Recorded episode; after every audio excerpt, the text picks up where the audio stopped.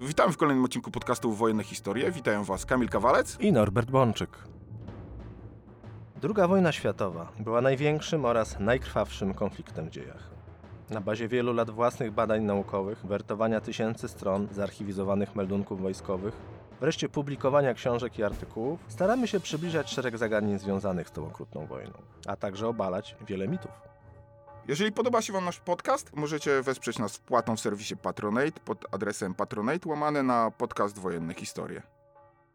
Norbert, proponuję, żebyśmy dzisiaj porozmawiali o jednym z miejsc symboli. O takim miejscu już rozmawialiśmy, to było Westerplatte. I takim miejscem jest też Mokra. Miejsce, gdzie udało się nam pokazać, że polski żołnierz potrafi zatrzymać Wehrmacht. Oczywiście jest to obiegowa opinia i chciałbym, żebyśmy z tą obiegową opinią się cię zmierzyli. Czy faktycznie było tak, że udało nam się tutaj odnieść tak wielki sukces, jak o tym jesteśmy do tej pory uczeni w książkach do historii? Kampania wrześniowa, jak wiemy, zakończyła się tragicznie i była to jedna z największych klęsk w historii Wojska Polskiego. W związku z czym, aby no jakby chociaż trochę w wymiarze emocjonalnym, psychologicznym złagodzić odbiór tej klęski, no to szukaliśmy takich punktów odniesienia, które trochę by nas pocieszyły, ku pocieszeniu serc, jak to się mówiło, czyli takie miejsca, takie starcia, bitwy, gdzie jednak Wojsko Polskie wykazało się dobrą dyscypliną, wykazało się sukcesem na polu walki. Potrzebowaliśmy takich symboli, bo takie miejsca jak Westerplatte, Wizna czy Mokra są dla nas takimi mitami, są dla nas przykładami naszych sukcesów, no ale niestety często diabeł tkwi w szczegółach. Często okazuje się, że te pomnikowe starcia powszechnej świadomości mają w sobie więcej z mitu niż z tego, co tam się naprawdę stało. Mokra jest miejscowością odznaczoną, jako Znaczy, symbol. W PRL-u W tym sensie, że dostała medal. tak, tak. W PRL-u została odznaczona. To jest miejscowość, która dostała medal. Tam jest pomnik. Pomnik, który jest jednocześnie i symbolem naszej kawalerii przedwojennej, i symbolem naszego oporu w 1939 roku, ale też ma być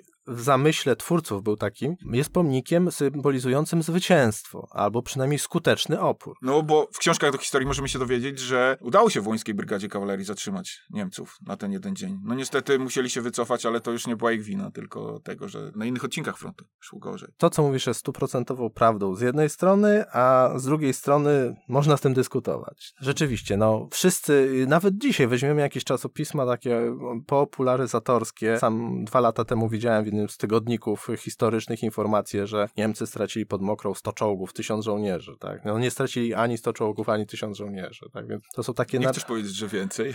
no, mm, zaraz powiem ile, zaraz do tego przejdziemy. No. Zacznijmy w ogóle od tego, gdzie ta Mokra leży. Może nie wszyscy nasi słuchacze wiedzą, że to jest mała miejscowość leżąca gdzie? No ja tutaj nawet powiem, mokra, właściwie trzy mokre, tak? Mokra 1, mokra 2, mokra 3. Otóż na północ od Kłobucka, na północ od Częstochowy, więc... O, to może chyba więcej nam powie. Tak, tak, tak, tak, bo mok... Pozdrawiamy słuchaczy z Kubucka przy okazji. może mamy tam jakichś słuchaczy. Natomiast las, pośrodku tego lasu rozległa polana, tak zwana polana mokra, na której znajdują się trzy wsie, Mokra 1, Mokra 2, Mokra 3. Przebiega tamtędy z północy na południe linia kolejowa i teren do użycia broni pancernej niespecjalnie może najlepszy. W 1939 roku był to fragment tak zwanej Luki Częstochowskiej. Czym jest ta luka częstochowska? W okresie międzywojennym powstawały polskie plany operacyjne wojen z Niemcami. Tak naprawdę od roku 1921 do roku 1938 obowiązywała taka wykładnia strategiczna, że główne natarcie niemieckie zostanie wyprowadzone z Pomorza Zachodniego. A więc, że tak naprawdę rejonem najważniejszych walk w pierwszej fazie wojny będzie obszar Wielkopolski i Kujaw. To powodowało, że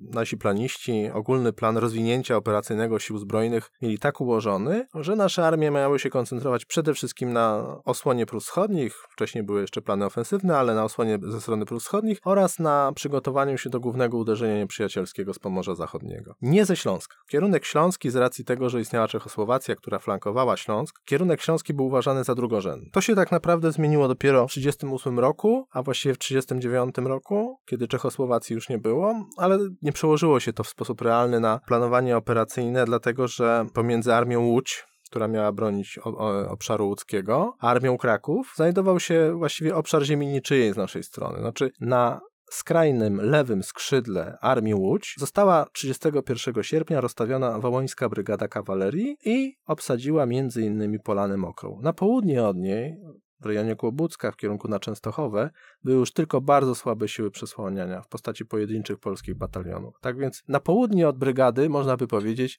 że nie było już nic. I tam zaczynała się ta luka częstochowska. A nasza brygada stała na północ od tej luki. W tą lukę Niemcy weszli, głównie pierwszą dywizją pancerną, potem głównymi siłami 16 Korpusu Armijnego i od tej luki częstochowskiej zaczęła się klęska ostateczna Wojska Polskiego. No właśnie, czy dowództwo Wojska Polskiego nie zdawało sobie sprawy, że tak ważny punkt styku dwóch armii jest praktycznie nieobsadzony? Ja- Jak to się stało? Zdawano sobie z tego doskonale sprawę, natomiast błędy popełnione w marcu 1939 roku i błędy tak naprawdę popełnione w planowaniu operacyjnym przez poprzednie 20 lat, no nie udało się ich zniwelować w kilka miesięcy. Raz przyjętego planu wojny tak naprawdę w sposób fundamentalny nigdy nie zmieniono. To, że Niemcy uderzyli właśnie w najsłabszy punkt, to jest przypadek? Czy oni dobrze wiedzieli, że coś na kształt Luki Częstochowskiej, może tak tego nie nazywali, ale że coś na ten kształt istnieje? Znaczy- Zdawali sobie sprawę, że tam nie, nie ma za dużych sił polskich? Niemiecki wywiad pracował dosyć dobrze i miał świadomość tak naprawdę tego, że polski plan operacyjny e, zakłada to, że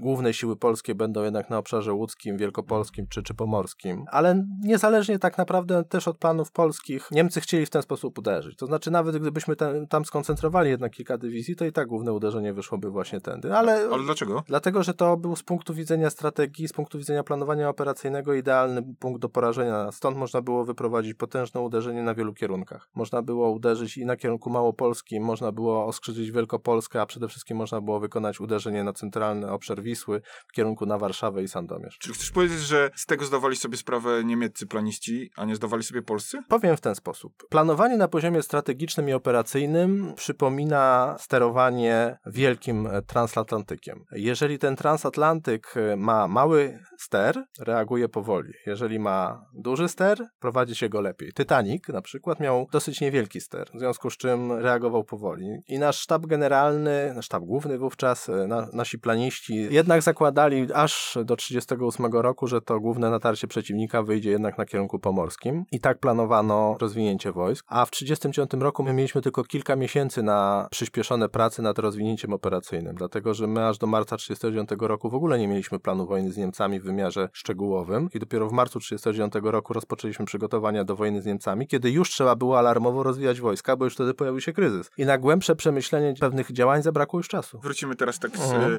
z takiego dużego poziomu do, do, do tych naszych niewielkich trzech wsi. To może scharakteryzujmy w ogóle przeciwników, którzy stanęli naprzeciwko siebie po dwóch stronach frontu. Bo po niemieckiej czwarta dywizja pancerna, a po polskiej stronie, jak mówiłeś, e, Wołyńska Brygada Kawalerii. Czy możesz scharakteryzować tak e, pokrótce potencjały obydwu tych jednostek? Teoretycznie Wołyńska Brygada Kawalerii starła się pod Mokrą z czwartą dywizją pancerną, ale w pewnym sensie możemy powiedzieć, że starła się teoretycznie, dlatego że o czym za chwilę powiem, niemiecka dywizja uległa rozczłonkowaniu w wyniku wydarzeń z pierwszych godzin wojny, nie potrafiła koncentrować się i wchodzić do walki jako Związek Broni Połączonych. Natomiast Wołyńska Brygada Kawalerii wystąpiła w walce jako związek taktyczny. No może najpierw my. No. Wołyńska Brygada Kawalerii, dowódca pułkownik Julian Filipowicz, no to była jedna z lepszych polskich brygad. Ale w jakim sensie lepszych? Lepszych w tym sensie, że miała dobrych dowódców pododdziałów, szwadronów, pułków w większości. To wbrew pozorom nasza kawaleria niestety w 1939 roku EUMAS zawiodła pod względem dyscypliny i pod względem jakości kadry dowódczej. To przykro o tym mówić, ale tak właśnie to wyglądało, iż kawalerzyści funkcjonowali często z iście kawaleryjską fun- fantazją, nikogo nie słuchając oprócz siebie. Mówię tu o dowódcach szwadronów, o dowódcach pułków i tak dalej. Zdarzało się, że dowódca brygady kawalerii nie potrafił zapanować nad dowódcami swoich pułków. W Wołańskiej Brygadzie Kawalerii na szczęście było inaczej. Pułkownik Filipowicz trzymał brygadę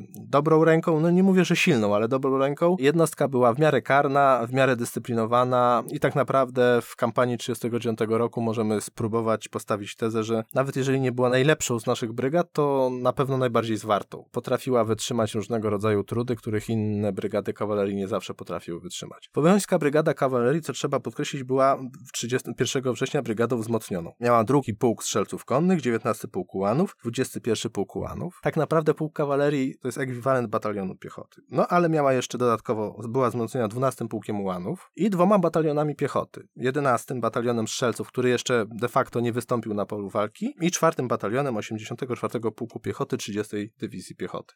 Rety, to ile my mieliśmy tej piechoty i kawalerii łącznie? No, Jaka to była siła? No Jednym czy słowem. de facto możemy mówić o czymś niemalże jak dywizja lekka, no bo jeżeli pułk kawalerii to jest ekwiwalent batalionu piechoty, no to my mamy do dyspozycji cztery pułki kawalerii, dwa bataliony piechoty. W gruncie rzeczy no możemy powiedzieć, że mamy ekwiwalent y, sześciu batalionów piechoty, czyli takiej dywizji lekkiej. I tutaj pojawia się zgryz, słaba była artyleria. Drugi dywizjon artylerii konnej, to jest tylko 12 dział 75 mm, plus y, w sumie 18 armat przeciwpancernych. Był jeszcze dywizjon pancerny z tankietkami i samochodami pancernymi, no ale w gruncie rzeczy, jeżeli zobaczymy, to nagle nasza jednostka to przede wszystkim piechota, lub spieszona kawaleria. Realnie na polu walki do dyspozycji pięć batalionów, ale tylko jeden dywizjon artylerii i ekwiwalent tylko jednej czy półtorej kompanii armat przeciwpancernych. Czyli ludzi to jest nawet ca- całkiem sporo, ale sprzętu ciężkiego bardzo, bardzo malutko. A propos sprzętu ciężkiego, co stało po drugiej stronie linii frontu? Powiem w ten sposób. Sama tylko czwarta dywizja pancerna to są cztery bataliony czołgów. Co prawda znacznie mniej piechoty, bo jest tylko jeden pułk, 12 pułk strzelców, pododdziały motocyklowe, jednostki rozpoznawcze. Sama tylko czwarta dywizja pancerna to jest 340 czołgów. No ale na szczęście dla nas... Przeciwko naszym 30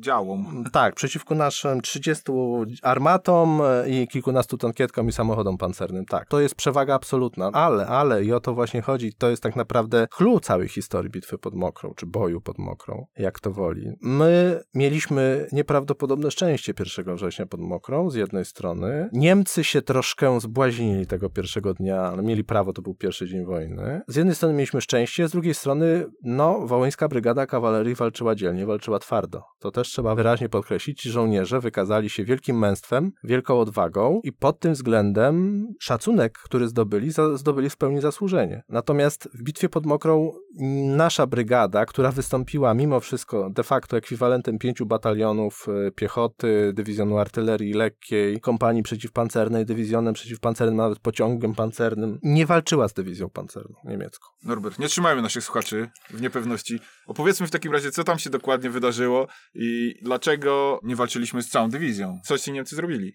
Znaczy Niemcy wybrali sobie kierunek ataku, jak to się mówi, ołówkiem na mapie. Czyli założyli, że tego dnia przejdą w natarciu 30 km. Takie mieli założenie. Chcieli się wbić dosyć głęboko w, w terytorium polskie. No, tylko, że akurat czwarta dywizja pancerna miała tego pecha, że jej oś natarcia to była mniej więcej generalnie na linii Panki, Krzepice, Kłobuck, na północ od Kłobucka. Między innymi właśnie przez Polanę i Mokra, przez miejscowe lasy. Czy przybiega tam jakaś droga, czy oni po prostu na przełaj ciach po lesie? Znaczy, zasadni, zasadnicza szosa to przebiega po linii Panki, Krzepice, Kłobuck. I to już był problem, bo tak naprawdę Kłobuck to miała zajmować pierwsza dywizja pancerna, a nie czwarta, więc czwarta dywizja pancerna musiała nieco e, zakrzywić swój kierunek natarcia i iść właśnie na przełaj. Musiała przechodzić przez lasy, przez tereny niezbyt dogodne do natarcia broni pancernej. Niemcy nie wiedzieli dokładnie, gdzie spotkają oddziały polskie, które pułkownik Filipowicz dopiero 31 sierpnia roz, rozmieścił w rejonie Mokrej. Również do końca nie wiedziały, czy na nie wyjdzie jakieś silniejsze natarcie niemieckie. A więc obie strony zderzyły się troszkę przypadkiem na polanie Mokra. Niemcy mieli pecha, ponieważ niedaleko linii granicznej przebiegają dwie rzeki, Lizwarta i Pankówka. Nasi saperzy wysadzili przeprawy drogowe i kolejowe, w związku z czym Niemcy musieli forsować obie te przeszkody wodne. Okazało się wówczas, no to było dla nich też rodzaj nauki, którą potem wykorzystywali, że rzut zmechanizowany w warunkach trudnych terenowych łatwo odrywa się od rzutu zmotoryzowanego. Innymi słowy, A czym się różni zmechanizowany rzut od e, rzutu zmotoryzowanego? rzut zmechanizowany jeździ na pojazdach gąsienicowych, a rzut zmotoryzowany na pojazdach kołowych. Czyli, że czołgi mogą po prostu pojechać sobie szybciej, nie, nie oglądając się na te samochody. Dokładnie, a piechota na ciężarówkach zostanie z tyłu i pojawia się problem. I tak się właśnie stało. Dokładnie tak się stało. 1 września 1939 roku czwarta dywizja pancerna rozerwała się. Jednostki pancerne i część pododdziałów rozpoznawczych poszła gwałtownie do przodu, oddziały artylerii, oddziały saperskie i przede wszystkim piechota pozostały z tyłu. Powstał do tego korek i zamieszanie. Niemcy nie potrafili 1 września rozwinąć do walki czwartej dywizji pancernej. Czyli nie potrafili się przeprawić przez te dwie, no niewielkie chyba rzeczki. Rzeczki może niewielkie, ale o dosyć dosyć zdradliwych i bagiennych brzegach spowodowały na wiele godzin paraliż natarcia 4 Dywizji Pancernej i tak naprawdę 1 września 1939 roku ta jednostka, która miała teoretycznie możliwość przejścia w marszu 250 km w ciągu dnia, ona przebyła 18 km 12 godzin. Czyli poruszała się wolniej niż idzie człowiek. A mówimy o dywizji szybkiej. To przede wszystkim wynikało z tego, że nasze rzeki i załomy, które zrobili wcześniej nasi saperzy, tak naprawdę zatrzymały niemieckie poddziały zmotoryzowane i w bitwie pod Mokrą, w gruncie rzeczy, pomijając ostatni etap bitwy, czy pomijając udział jednej kompanii niemieckiej piechoty z 12 pułku, tak naprawdę w bitwie pod Mokrą wzięły udział wyłącznie niemieckie czołgi. To jest starcie polskiej kawalerii, mimo wszystko Związku Broni Połączonych, gdzie mamy piechotę, artylerię, saperów. To jest starcie de facto z samymi załogami niemieckich czołgów. Jest to ewenement bitwy pod Mokrą. I nie jest to bitwa tak jak my sobie wyobrażamy, stała, gdzie bez ustanku przez kilka godzin toczy się bój. Bitwa pod Mokrą zaczęła się między 10 a 12, to w zależności od meldunków, jak to interpretujemy, od zagonu pojedynczej niemieckiej kompanii pancernej, która próbowała wedrzeć się na Polanę Mokra. I osią bitwy pod Mokrą było to, że co pewien czas coraz większa liczba niemieckich czołgów najpierw próbowała się wedrzeć, a potem wdzierała się na obszar Mokrej, a pułkownik Filipowicz starał się przez cały dzień utrzymać pozycję na Polanie, co powodowało że wprowadzał do walki kolejne pododdziały. Można by powiedzieć, że przez parę godzin ta bitwa przypominała trochę scenerię jak z westernu. To znaczy niemieckie czołgi byli jak Indianie, a nasza kawaleria była dosłownie jak amerykańska kawaleria z westernu, która gdzieś tam na jakimś zgórku się okopuje i broni się, a Indianie wokół nie jeżdżą konno i strzelają z łuków. Może ten obraz filmowy jest trochę dziwny, ale troszeczkę tak to wyglądało. Niemcy wjeżdżali na polanę mokra czołgami, szukali nas, szukali naszych stanowisk. Jeżeli je wykrywali, to niszczyli. No bo to nie jest tak chyba, że siedząc w tym małym czołgu, widzi się po prostu wszystko. No właśnie, praktycznie nie widzi się nic. Nie widzi się nic, nie wiesz skąd do ciebie strzelają. Strzelają do ciebie z zabudowań, strzelają do ciebie z jakichś zagajników, strzelają do ciebie z linii lasu. Ty odpowiadasz bronią maszynową i artyleryjską, którą masz w czołgu. Nie wspiera cię własna artyleria de facto. Nie masz własnej piechoty, w związku z czym ci Niemcy nie wysiadali z tych czołgów, tylko jeździli, szukali celów, a potem się wycofywali. I to była wielogodzinna bitwa, w której w pewnym momencie Niemcy zepchnęli nas z tej polany. Zepchnęli nas z tej polany, ale ich piechota i artyleria dotarły na pole walki dopiero wieczorem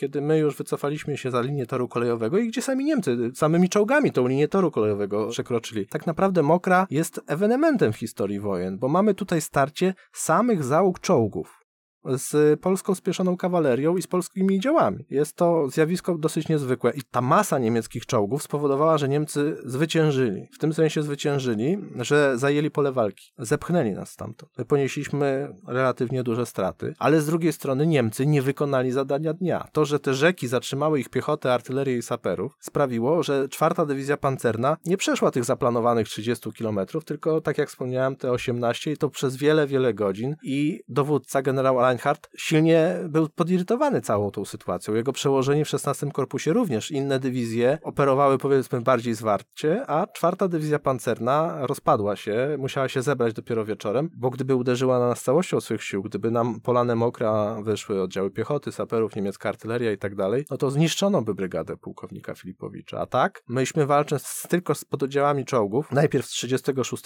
Pułku Pancernego, a potem z 35 Pułku Pancernego, mogliśmy bronić bo Niemcy atakowali nas pod oddziałami pancernymi troszeczkę na ślepo, a potem likwidując pojedyncze punkty oporu. A my broniliśmy się w pojedynczych punktach oporu, próbowaliśmy kontratakować, utrzymywać linię, potem wycofaliśmy się do lasu, potem z tego lasu te czołgi nas wyrzuciły. To też jest ewenement, że tak naprawdę w pewnym momencie Niemcy tak intensywnie zaczęli ostrzeliwać las z czołgów, że my musieliśmy wycofać się, a czołgi poszły za nami w las. Też ciekawa sytuacja. No właśnie, a jakie środki miała brygada, żeby niszczyć te czołgi? Czy to tylko były to właśnie nasze armaty przeciwpancerne i armaty 75 mm? No przede wszystkim my używaliśmy armat przeciwpancernych kaliber 37 mm, ale tak jak powiedziałem, mieliśmy ich tylko 18 i to w całej brygadzie. Nawet nie wszystkie wzięły udział w bitwie. No mieliśmy dywizjon. Tak naprawdę drugi dywizjon artylerii konnej toczył bój z czołgami. Próbował strzałami ze swoich armat na wprost niszczyć czołgi. Armaty były przystosowane do zwalczania broni pancernej, ale z tego rodzaju środków ogniowych bardzo ciężko zwalcza się czołgi. Jeżeli one są w ruchu, to właściwie nie da się ich zwalczyć. Natomiast jeżeli one stoją, żeby obserwować teren, żeby prowadzić ogień z przystanków, no to wtedy można próbować. Nasze działa były zaplanowane do wspierania ogniem stromotorowym pozycji Mówimy o działa 75 tak, mm. Tak, o, o, o tak zwanych prawosławnych działach 75-76 mm. One miały ogniem stromotorowym wspierać szwadrony na pierwszej linii. Kiedy czołgi przełamały pozycję naszych szwadronów wdarły się wewnątrz pozycji naszej brygady, bo tak to wyglądało, no to artylerzyści musieli bronić się na tak zwanego jeża, musieli po prostu strzelać do czołgów na wprost. No, gdyby Niemcy mieli do tego spieszoną piechotę, gdyby na przykład przy, przewozili na czołgach piechotę, która by się spieszyła, ruszyła do tych wsi, do tych zagajników, to wtedy artylerzyści nie mieliby szans, ale czołgi były same, no i walka była podejmowana. Czasami były bardzo dramatyczne sytuacje. Nasze armaty zwalczały pojedyncze czołgi, czołgi wykrywały stanowiska niektórych naszych armat i zniszczyły kilka stanowisk takich armat. Więc to był bardzo dramatyczny, ale bardzo też chaotyczny bój. W pewnym momencie zdarzało się tak, na przykład, że jeden z naszych szwadronów 12 pułku został wysłany jako wsparcie dla szwadronu, który bronił się na przedpolu. W tym czasie pozycje tego szwadronu zostały przełamane przez niemieckie czołgi nasi kawalerzyści wpadli wprost na te czołgi, które jechały drogą z drugiej strony. Tak obie strony się przemieszały, nikt nie wiedział, co się dzieje, szwadron odskoczył, umknął, tak? A Niemcy Niemcy sobie pomyśleli, że o, Polacy wariaci szarżują kawalerią na czołgi. Oni ich wcale nie zaatakowali tak naprawdę. Tak, tak, to był przypadek, że te czołgi, ta kawaleria się wymieszały. Trzeba sobie zdać sprawę z tego, że chcielibyśmy bardzo, żeby, żeby mit był prawdziwy, że zniszczyliśmy 100 czołgów pod Mokrą. Tak się nie stało. No właśnie. A jakie były straty? Ale może zanim to, e, bo nurtuje mnie tutaj jedno pytanie, które muszę Mhm. zadać. Może jest naiwne, czy brygada zatem nie mogła po prostu przepuścić tych czołgów, przez swoje pozycje odciąć i jakby po kolei niszczyć... No nie było to możliwe, bo przede wszystkim dlatego, że pozycje naszej brygady zostały przez te czołgi przełamane, czy też e, objechane i nagle te czołgi znalazły się wewnątrz pozycji naszej brygady, więc teoretycznie ten warunek, o którym mówisz, został spełniony, dlatego że, że czołgi znalazły się wewnątrz naszego ugrupowania, kręciły się po tej polanie, nie za bardzo wiedziały, gdzie jest przeciwnik, no ale tak jak powiedziałem, jeżeli na polanę wjeżdża ci batalion czołgów przeciwnika, Batalion, czyli... Wjeżdża ci 60 czołgów. Te czołgi są uzbrojone w, dajmy na to, w 90 karabinów maszynowych, 30 armat automatycznych. To ty nie masz przewagi ognia nad nimi, to one mają przewagę ognia nad tobą. Ty je lepiej widzisz, ale one mają znacznie większą siłę ognia niż ty. I Niemcy mają jeszcze dodatkową amunicję zapalającą i tak dalej, i tak dalej. Posiadasz armaty przeciwpancerne, ale w niewielkiej ilości i one są rozproszone na każdy pułk. Posiadasz całkiem dobre karabiny przeciwpancerne, nasze, tak zwane ury, no ale czołg musi podejść na odpowiednią odległość. Te czołgi kręcą się, one są w ciągłym ruchu, one nie, nie stoją albo prowadzą naprzemiennie ogień i ruch, co powoduje, że wzięcie ich na cel nie jest łatwe. My walczymy, nawet wprowadzamy pociąg pancerny, ale nie mamy takich środków ogniowych, aby unicestwić batalion czołgów przeciwnika, który się wdarł. Nie mamy po prostu... Czyli po prostu Niemcy mogli po kolei wystrzelać jednostki brygady. Tak, gdyby ostatecznie pod wieczór pułkownik Filipowicz nie zarządził odwrotu, to Niemcy wystrzelaliby wszystkie nasze pododdziały, które by tam zostały. No to ile my ustrzeliliśmy tych czołgów? No powiem tak, z punktu widzenia czwartej Dywizji Pancernej, pierwszy dzień wojny i pierwszy dzień kampanii wrześniowej był najcięższym dniem dla tej dywizji. Ta dywizja potem walczyła między innymi w Warszawie 8-9 września. Ona brała udział w końcowej fazie bitwy nad Bzurą, ale to 1 września 1939 roku był dla tej dywizji najcięższy i najkrwawszy.